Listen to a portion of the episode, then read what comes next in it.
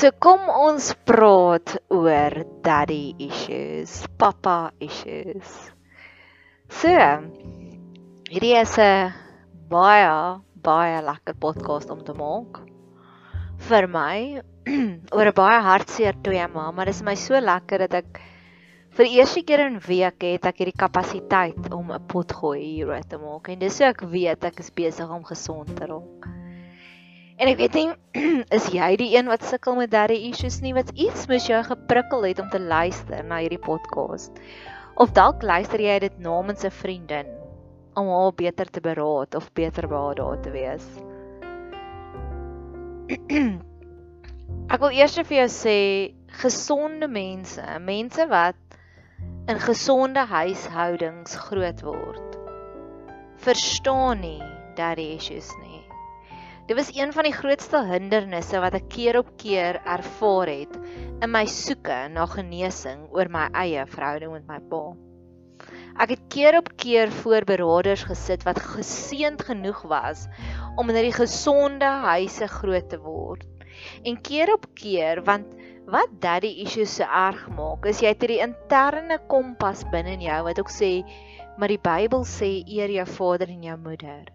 So hoe durf jy om te sê maar my vader en my moeder maak my seer. En keer op keer sou ek met mense gepraat het en na die gesprek sal ek nog meer hartseer gewees het as voor die gesprek. Want dit is so 'n as jy nie self daardeur is nie, jy kan nie verstaan nie, jy kan nie begryp nie. Of keer op keer sal mense my probeer ooreed hê dat dit was alles net in my gedagtes. Dis nie die waarheid nie, jy glo leuen of hulle sal sulke fortune cookie advies vir my gegee het soos maar alle ouers maak foute. Ja, dis waar. Alle ouers maak foute, maar sekere foute is ek wil nie sê onvergeefbaar nie, maar sekere foute is rooi ligte. En iemand het vir my gesê ek het soveel advies by mense versamel tot op hierdie punt waar ek tans is. Wat sy gesê het, Nadia, enige verhouding wat toksies is, mag jy uitklim, ongeag van wat die persoon is in jou lewe. En ek het keer op keer in my soeke het ek gedink aan selfs Jesus wat gesê het, dis nie my moeder en my vader nie. Hierdie is my moeder en my vader en hy het gewys aan sy disippels. En daai konsep het ingesink by my van Ons as volwasse gelowiges het hierdie vryheid om nuwe families vir ons te skep, om nuwe mense te skep. Maar ek gaan vir jou verduidelik hoe dit vir my gevoel. Want gesonde mense verstaan nie dat die issues nie. Een persoon met wie ek dit bespreek het wat baie sensitief is, sou 2 dae later vir my sê hy hoop nie hy doen dieselfde skade aan sy dogter nie.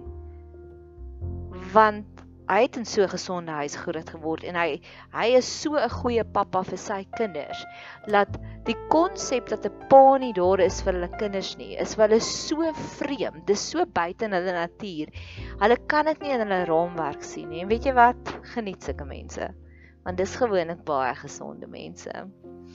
Maar moenie ophou as jy al met 2 of 3 mense gepraat het oor jou daddy issues en jy voel eintlik erger af na die tyd nie Ek was vir jare daar. Ek wil vir jou nog 'n metafoor gebruik van hoe voel daddy issues. 'n Gesonde mens wat met 'n gesonde vel in die son gaan staan, gaan die son geniet. Maar verbeel jouself, jy het nou al gister het jy sonskade gekry, sonsteek gekry. Jy het gister al verbrand in die son. Die oomblik of jy vir 5 minute of 2 minute in daai son gaan wees, gaan dieselfde son wat die sissie langs jou niks aandoen nie, gaan vir jou seermaak. En dit is my so interessant hoe my gut feeling die heeltyd reg was. Ek it blows my mind. Ek is soveel liewer vir my gut feeling nou na dit as wat ek 'n week terug was. Want keer op keer sou ek my interaksies met my pa beskryf het as skuurpapier. Hy voel vir my so skuurpapier. En ander mense sou ek beskryf het as hulle voel vir my soos watte. Hulle voel vir my soos pleisters. So my onderbewussyn het al reeds dit opgetel. En dis wat gebeur wanneer jy lank genoeg aan daddy issues blootgestel word. Dis letterlik asof jou vel afgeruk word en dan maak alles seer. Alles is seer. En elke keer wanneer jy 'n blootstelling het met hierdie persoon, is dit asof jy weer in die son is, asof jy weer skade doen. So jou liggaam kry nooit tyd om te genees nie. En dis wat ek gevoel het jare terug, is my pa voel vir my so skuurpapier. En wat is die doel van ons vel? Die doel van ons vel is om ons organe binnekant te beskerm en intact te hou. En ek kan regtig vir my reise met my pa beskryf as skuurpapier. Dit voel asof my vel weg is. En weer eens, mense wat in normale, gesonde huise groot word, kan nie daardie konsep ver, verstaan nie. Want mense soos ek en jy wat sukkel met daddy issues, het nooit geleer wat is ware beskerming nie. Ons paas veronderstel om ons veilige plek te wees. En my pa was nog nooit my veilige plek nie. Inteendeel, nou nog as hy by my kom kuier, dan vra ek vir my intercessors bid vir my vir beskerming. Hoe abnormaal is dit? Die persoon wat jou veiligheid en jou sekuriteit vir jou moet gee, is die persoon teen wie jy jouself moet beskerm en gesonde mense weer eens wat in gesonde huise hulle verstaan nie daardie konsep nie. En nou kom op 'n stadium wanneer die abnormaal so normaal begin raak dat jy kom dit nie eens agter nie. En ek het na voice podcast geluister van die kinders wat oorleef het uit die Springs House of Horror. En hulle sou keer op keer vertel hulle het gedink hoe hulle pa hulle behandel is normaal. En dis baie keer wat slagoffers van daddy issues doen, is hulle dink dit is normaal. Alle paas maak so. Alle paas maak nie so nie. En daardie stukkie wat Jesus skryf of nee nie Jesus nie wat Elia skryf van God is in die sagte klein stemmetjie. Dit was die sagte klein stemmetjie, dit was my gut feeling wat my gedryf het tot op hierdie punt waar ek nou is.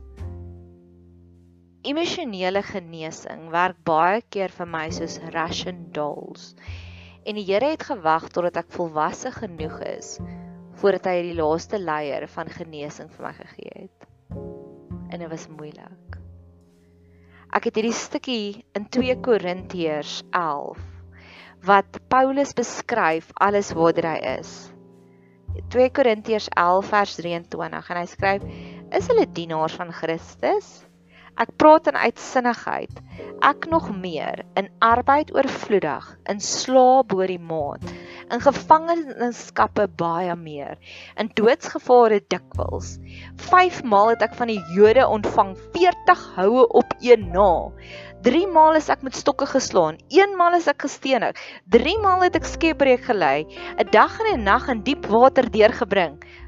En dan gaan hy aan deur al die goed. En op 'n stadium in hierdie intense soeke na genesing, het ek gevoel, Here, ek voel nou soos Paulus. Want as ek 'n lys moet skryf van al die emosionele traumas waartoe ek is, sal my lys langer wees as Paulus se. En ek's min of meer op daardie punt dat ek is al deur meeste traumas, meer as dit baie ander mense is. En dit is my so lekker want baie mense het dit ook al vir my bevestig wat hulle sê die hoeveelheid hartseer wat hier is, maar nou besef ek, want kan ek vir jou sê hierdie trou, 'n trauma, hierdie rou oor iets so simpel soos daddy issues is my ergste. Dit is my ergste. En voor dit, en ek dink mense moet so 'n rap sheet doen om hierdie opsomming te maak om te sê daar is sekere traumas wat baie erger is. En is soos die son voorbeeld want my liggaam, my vel het nooit tyd gekry om gesond te word nie. Elke keer was ek weer aan die son blootgestel. Elke keer was ek weer in die son blootgestel tot op hierdie punt waar ek tans is waar dit vir my voel ek het nie eers meer enige emosionele vel oor nie. Ek is so bruised oral. Ek is so bruised as ek kyk na 10 jarige Nadia. Ek is so bruised as ek kyk na 15 jarige Nadia. Ek is so bruised as ek kyk na 25 jarige Nadia en ek het 'n lang rap sheet van ander traumas waartoe ek gewerk het. En ek kan werklik waar sê met alle eerlikheid, hierdie is die ergste een. En ek weet nie of is dit omdat daar soveel skuldgevoelens saam met dit gaan van jy tree letterlik teen die Bybel nou hier op nie. Of is dit omdat dit net keer op keer is. En weet jy wat was my baie ironies met daddy issues? Nou net so vinnig, die vorige traumas waardeur ek is, ek het ontsnap uit 'n fisiese abusive verhouding uit 'n hele paar jaar terug. Ek was in vele verbale abusive verhoudings het ek opgeëindig. My ma is dood. Ons het groot geword in 'n kankerhuis en my ma is op 'n baie jong ouderdom dood. Ek is al deur baie traumas. 2 jaar terug is ons een van ons geliefde vriende baie skielik oorlede.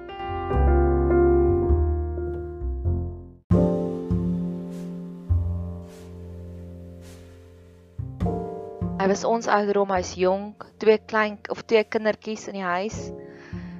En hy het die weduwee agtergelaat. En keer op keer sou ek beskryf het dat daardie rouproses is my meer intens as my eie ma se omdat ek was voorberei met my ma se.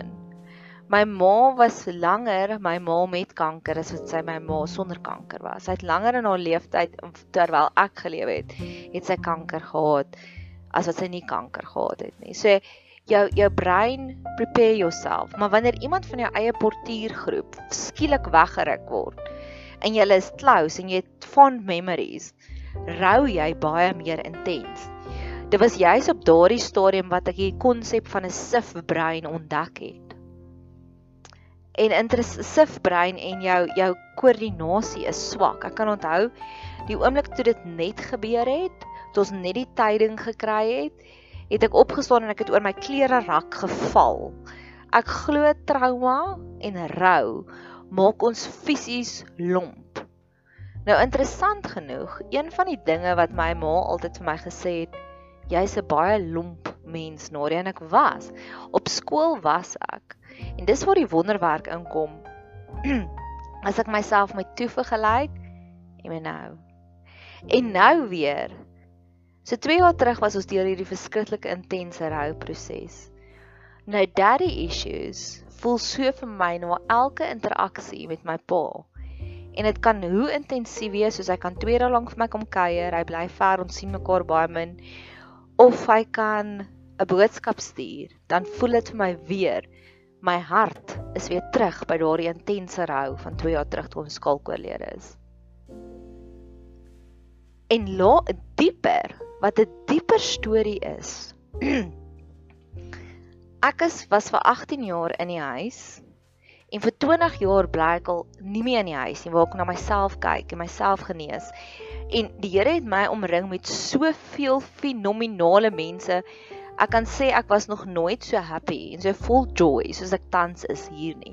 Want ek het soveel mense wat vir my omsien, vir my liefde gee, elkeen op hulle eie unieke manier.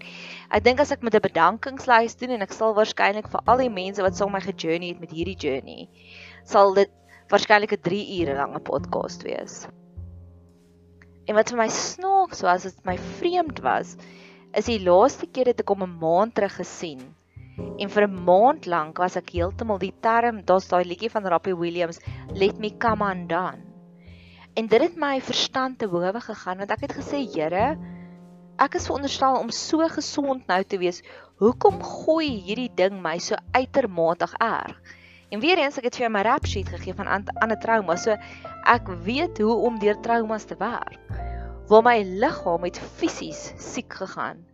Ek het gister vir my tannie bes of vandag vir my tannie gesê, ek dink as iemand my by 'n dokter gehad het, sou hulle my waarskynlik in een of ander psigiatriese inrigting opgesluit het. Ek het sif brein gehad. Het gesukkel om te dink, ek het gesukkel om te konsentreer. Ek het toksiese be behandeling begin doen wat ek baie meer wyn drink, te veel wyn drink. Ek het gesukkel om te slaap. Ek het baie lae energievlakke gehad. Ek was heilerig die heeltyd. Dit was letterlik soos my enigste mission elke dag was net om deur die dag te kom sonder om een keer in een of ander spar onbeheers te begin huil. Ek wou huil die hele En dit was weer eens en dis maar 'n interessante ding dit gebeur. Dit was nie asof daar ooit enige fisiese konflik was in die laaste paar jaar nie. Maar iets my gut feeling het vir my gesê iets is groot fout op hierdie stadium. En ek het begin soos 'n speurder raak wat ek na al die clues gaan kyk het om te sê dis hoe gesonde mense optree en dis hoe ongesonde mense optree. Ek het op 'n stadium besef ek is so irrasioneel met my pa dat ek vertrou nie eers meer myself om my eie besluite te maak oor my pa nie. Waar ek het my een broedersvriendin gesê, "Sal jy asseblief alles in my klank word?" Want dit het so 'n toksiese siklus gehad. My pa sal sê A en ek sal hoor C en ek sal dan verwerp bly. En so dat ons speurder begin speel het, maar met my eie trauma het ons begin ontdek maar hy is toksies en hy is skadelik. Dis daddy issues. Dis daddy issues.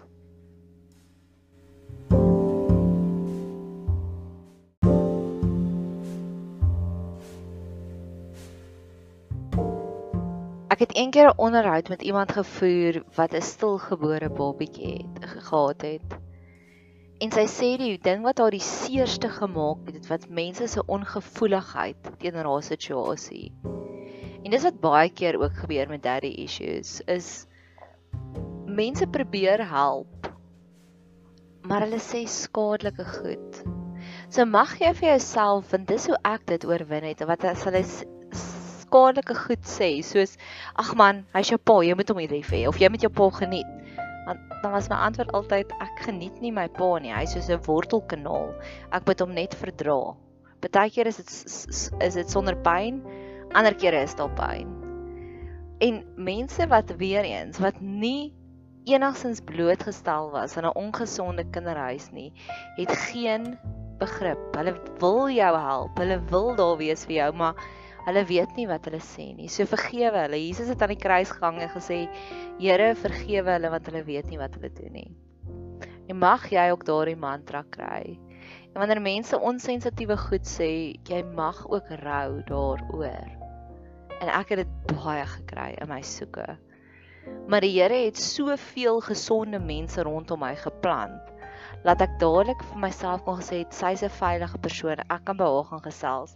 En keer op keer, almal wat my die beste advies gegee het, was die mense wat self deur hulle eie daddy issues moes gewerk het. Ek het eendag 'n baie fenominale vriendin gekry en sy het vir my gesê sy het deur iets gewerk en sy het aan survivor's guilt gewerk en sy het so omgedraai en sy het vir my gesê Nadia, survivor's guilt is reël. En daai daai geskenk wat self sy en ek ek sien haar as 'n beskruikelike sterk vrou dat self sy daarmee kon struggle wil ek ook vandag vir jou gee. Daddy issues is real. En die beste metafoor wat ek het is soos dat jou vel afgeskuur word stukkie vir stukkie. En dan kom op 'n stadium waar daar 'n tipping point is wat dit net te veel raak. En ek glo dis hoekom dit hierdie ronde vir my so irrasioneel erg was my tipping point was, hy was 'n maand laas hier by my gewees.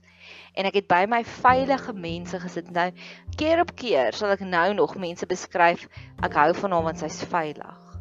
En dis 'n refleksie dat ek het so groot geword in 'n onveilige plek dat ek het so gewoond geraak aan die vrot kos te eet dat die oomblik toe ek begin gesonde kos eet, walg die vrot kos my al hoe meer. En nou nog is dit my opmerklik hoeveel mense sal ek beskryf, hulle is veilig. En weer eens is daar die inner gut feeling, daardie sagte stemmetjie wat my gelei het tot by hierdie punt waar ek vandag is. Ek wil nog iets met jou beskryf wat ek ook al geïdentifiseer het, is die statige familie sindroom. Ons kom uit 'n baie statige familie uit. En is amper asof mense wat in statige huise is, het soveel meer op die spel om iets te laat verloor, dat net om alles toe te probeer steek, veroorsaak nog meer skade.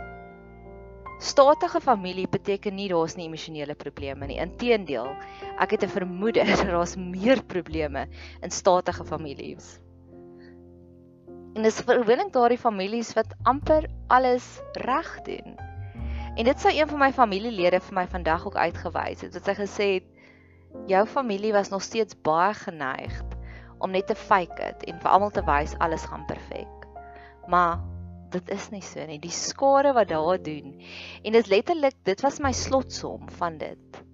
My pa het soveel onverwerkte skuldgevoelens dat hy projekteer dit en hy investeer soveel energie om vir almal anders net te wys alles is perfek.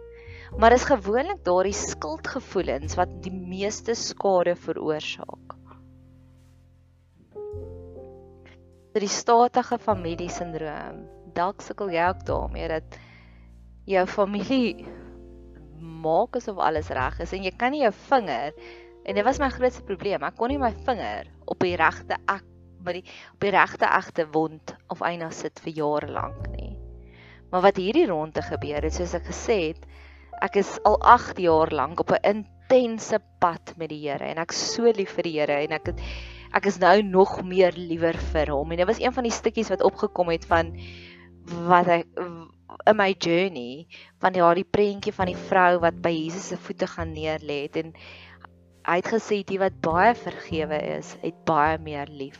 En ek het daarin vasgehou want ek het geweet daar gaan 'n oomblik kom wat my liefde so verdiep vir God en eintlik meer vir die Heilige Gees want die Heilige Gees was nog altyd daar.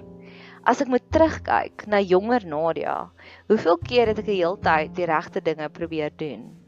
Sis, ek het op 'n stadium met ek dit as 'n fun en as 'n joke, maar nou besef ek hoekom het ek dit gedoen? Het ek gaan koshuisvorms gaan kry en my vriendin ooreed wat ek gesien het wat veilig is om saam met my koshuis toe te gaan. En ons het die vorms ingevul en ons ouers se aantekeninge gefake en dit gaan ingee. Maar ons het nie besef weer eens, ons beide is in prominente families nie. So die skoolhoof het ons vir ons gelag en hy het dadelik ons ouers gebel en gesê besef julle wat julle kinders besig is om te doen. Want hy het geweet dit dit kom nie van die ouers af nie. En nou en ek was 'n groot moeilikheid daaroor. Want my arme ma het dit gesien as verwerping teenoor haar. Maar wat sy nie besef het nie, dit was die jong Nadia wat probeer vlug het uit hierdie toksiese verhouding uit. Jare later, toe ek hom swat het, ek het dadelik so ver as moontlik van die huis af weg gaan swat. En weer eens, kan jy hoor dat veral my pa het alles probeer regdoen. Hy het betaal vir my studies, maar dit was heeltemal die gut feeling wat verkeerd gevoel het. Jare later, die oomblik toe ek gaan swat het, het ek besluit dat ek hierdie kop skuif gemaak en dit is wat gebeur in die afgelope week toe ek letterlik gaan sit het in hierdie feit van ek het onverwerkte daddy issues. Het ek besef die jonge Nadia het ge gesien maar sy het 'n goeie pappa figuur en dit was my oupa. En op op universiteit toe ek geswat het, sou ek vakansies huis toe gegaan het na my ouma en my oupa toe. En ek sal teruggegaan het na my ouer huis toe net as 'n plug. Want my ouma en my oupa was my veilige plek. Dit was my tuiste. Die ander plek, my ouer huis, was net 'n plug. En die probleem was en is is my pa is nie net lelik met my nie, hy's lelik met almal rondom ons. So ons almal verwerk so ons eie issues dat ons nie een van ons besef maar ons kan iets om die situasie doen nie.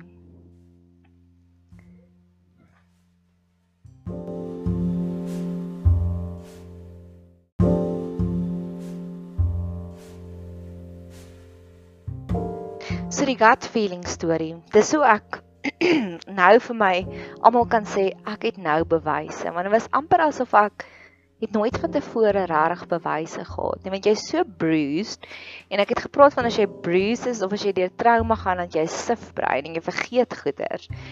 Waar hierdie keer het ek die hele tyd net gebid, Here, bewys my, gee vir my wysheid. Laat ek hierdie ding deurwerk. En dit was hierdie oomblik 'n maand nadat my pa kom kuier het. Wat ek gesit het in my veilige hawe by my vriendinne. En terwyl ek in daardie veilige omstandighede sit, het ek nog steeds hierdie gesprekke in my kop van hoekom maak my pa hierdie tipe van grappies met my. En ek het net daar besef hierdie is baie diep Nadia want jy kan nie Die oomblik wanneer iemand soveel mag oor jou het dat selfs die lekker dinge besoedel jy met toksiese gedagtes, het ek huge rooi ligte gesien. En ek het 'n dag lank afgevat want soos ek gesê het, ek het ontsnap uit 'n abusive verhouding 8 jaar terug. En ek het die regte dinge toe gedoen om my genesing te kry en ek het geweet Ek moet net weer intap in daardie gut feeling. En die heel eerste ding wat ek gedoen het, ek het vir myself 'n dag afgevat om te rou oor al die dinge in plaas daarvan om dit te onderdruk en net aan te gaan asof alles normaal is. En die grappie wat hy gemaak het, het ek gevat en ek het die grappie gaan bestudeer. En dit was 'n grappie, 'n baie verneinende grappie oor my heel eerste menstruasie siklus wat 24 jaar terug gebeur het, maar nou nog. Elke keer as my pa my sien, dan maak hy hierdie grappie. En ek het hierdie grappie gevat en ek het hom verwoord in 'n storie en ek het vir hom vir 5 mense gaan vertel om hulle elkeen se reaksie te toets en hulle elkeen se reaksie was walg. Hulle was gewalg daaroor en hulle elkeen het gesê dit is onnatuurlik en ongesond dat Japan nog steeds daai grappie maak met jou. En weer eens het dit my teruggelei na dis onverwerkte skuldgevoelens van sy kant af wat hy projekteer op my. Die grappie het my so ontseën nie laat ek 'n dag afgevat het om daaroor te rou. En interessant genoeg, die volgende dag was ek gesond. Ons het 'n coloran gehad hier op ons estate en ek was happy en ek was bietjie stout, maar cute stout en as ek cute stout is dan weet ek ek is regtig gesond. En 4 dae later sou my pa my weer kontak met via WhatsApp en weer eens was ek weer dadelik terug in daardie ontstellende, onseënie soos Robbie Williams se come on dan. En op hierdie stadium het ek begin alles klankbord met my beraders vriendin en ek het vir gesê dit het gebeur, wat dink jy hiervan? Kom ons over analyse dit. Kom ons sit dadelik in hierdie probleem in plaas daarvan dat ek dit probeer onderdruk en weghardloop. En later die aand het hy my wel geskakel want ek het vir hom gesê, "Ja, pappa, jy's reg. Ek werk deur 'n baie moeilike stadium in my lewe, maar ek gaan nie nou ek kan nie nou daaroor praat nie." En weer eens, een van die dinge wat ek het is ek kan my man staan by almal anders behalwe by hom. Hy het 'n manier om my boundaries deeltyd te push. As ek vir enigiemand anders wil sê ek wil nie nou hieroor praat nie, respekteer hulle dit. Maar wat doen jy as iemand nie bereid is om dit te respekteer nie? Jy krampel. En ek het gekrampel. En na die tyd sê ek weer eens myself verwyd het van hoekom kan jy nie net jou man staan by hom nie? Jy is nie veronderstel om jou man te staan by jou pa nie. Jy is veronderstel om veilig te voel by hom. Hy is nie veronderstel om 'n konstante vyand te wees nie. Dis so onnatuurlike situasie. Ek het hom vertel in 'n foonoproep en sy eerste woorde aan my was: "Jy is simpel dat jy so lank daaraan vashou 'n maand later." Nou gelukkig op daardie storie met ek hierdie storie geklankbord met vyf ander mense. En vyf ander mense het vir my die validation gegee dat hierdie is 'n onsmaaklike, ongesonde toksiese aanval. So ek het weer eens nie gekrummel nie en kort daarna sou hy vir my vertel het van eintlik gaan dit baie sleg met hom ook want hy het 'n hele paar honderd duisend rand of nie 'n paar honderd, 'n honderd duisend rand verloor in die lockdown op 'n vakansie. En na die tyd dink ek myself, dit is nie hoe ouers werk nie. Ouers is nie veronderstel om eerste jou idees of jou eina af te skiet nie. Hulle is veronderstel om jou eina te validate. En as hulle nog die rede is daarvoor iets aan te bied om te sê kom ons maak dit beter. En daarins is nooit 'n kind se plek om te worry oor 'n ouer nie. Waar ek dadelik besef het en vandag sal iemand dit vir my bevestig wat sy vir my gesê het jy is so volwasse. Ek soos ek weet ek is so volwasse, maar dis omdat ek nog nooit 'n kind was nie. Ek was altyd die ouer in in die situasie. Verder en dis waar ek nou by hierdie punt is, is dit 4 3 dae later. My pa het nog nie die foon opgetel om te bel of te hoor of ek beter nie. Hy stuur baie ander boodskapies op ons op ons familiegroepie. My bel nie, sy enigste dogter om te hoor voel sy beter nie. En op hierdie stadium het ek gedink, as jy nie meer vel oor het nie en elke keer wat jy in die son is, gaan jy weer seerder kry. Is my natuurlike reaksie om die stresors te verwyder uit my lewe uit totdat ek gesond is. So hierdie is 'n work in progress, maar dis die eerste keer in weke wat ek letterlik kan sit en hieroor praat oor my grootste eina op hierdie stadium. En ek hoop deur my storie gaan dit jou trigger om jou finale genesing ook te kry. Mag jy 'n geseënde reis hê verder.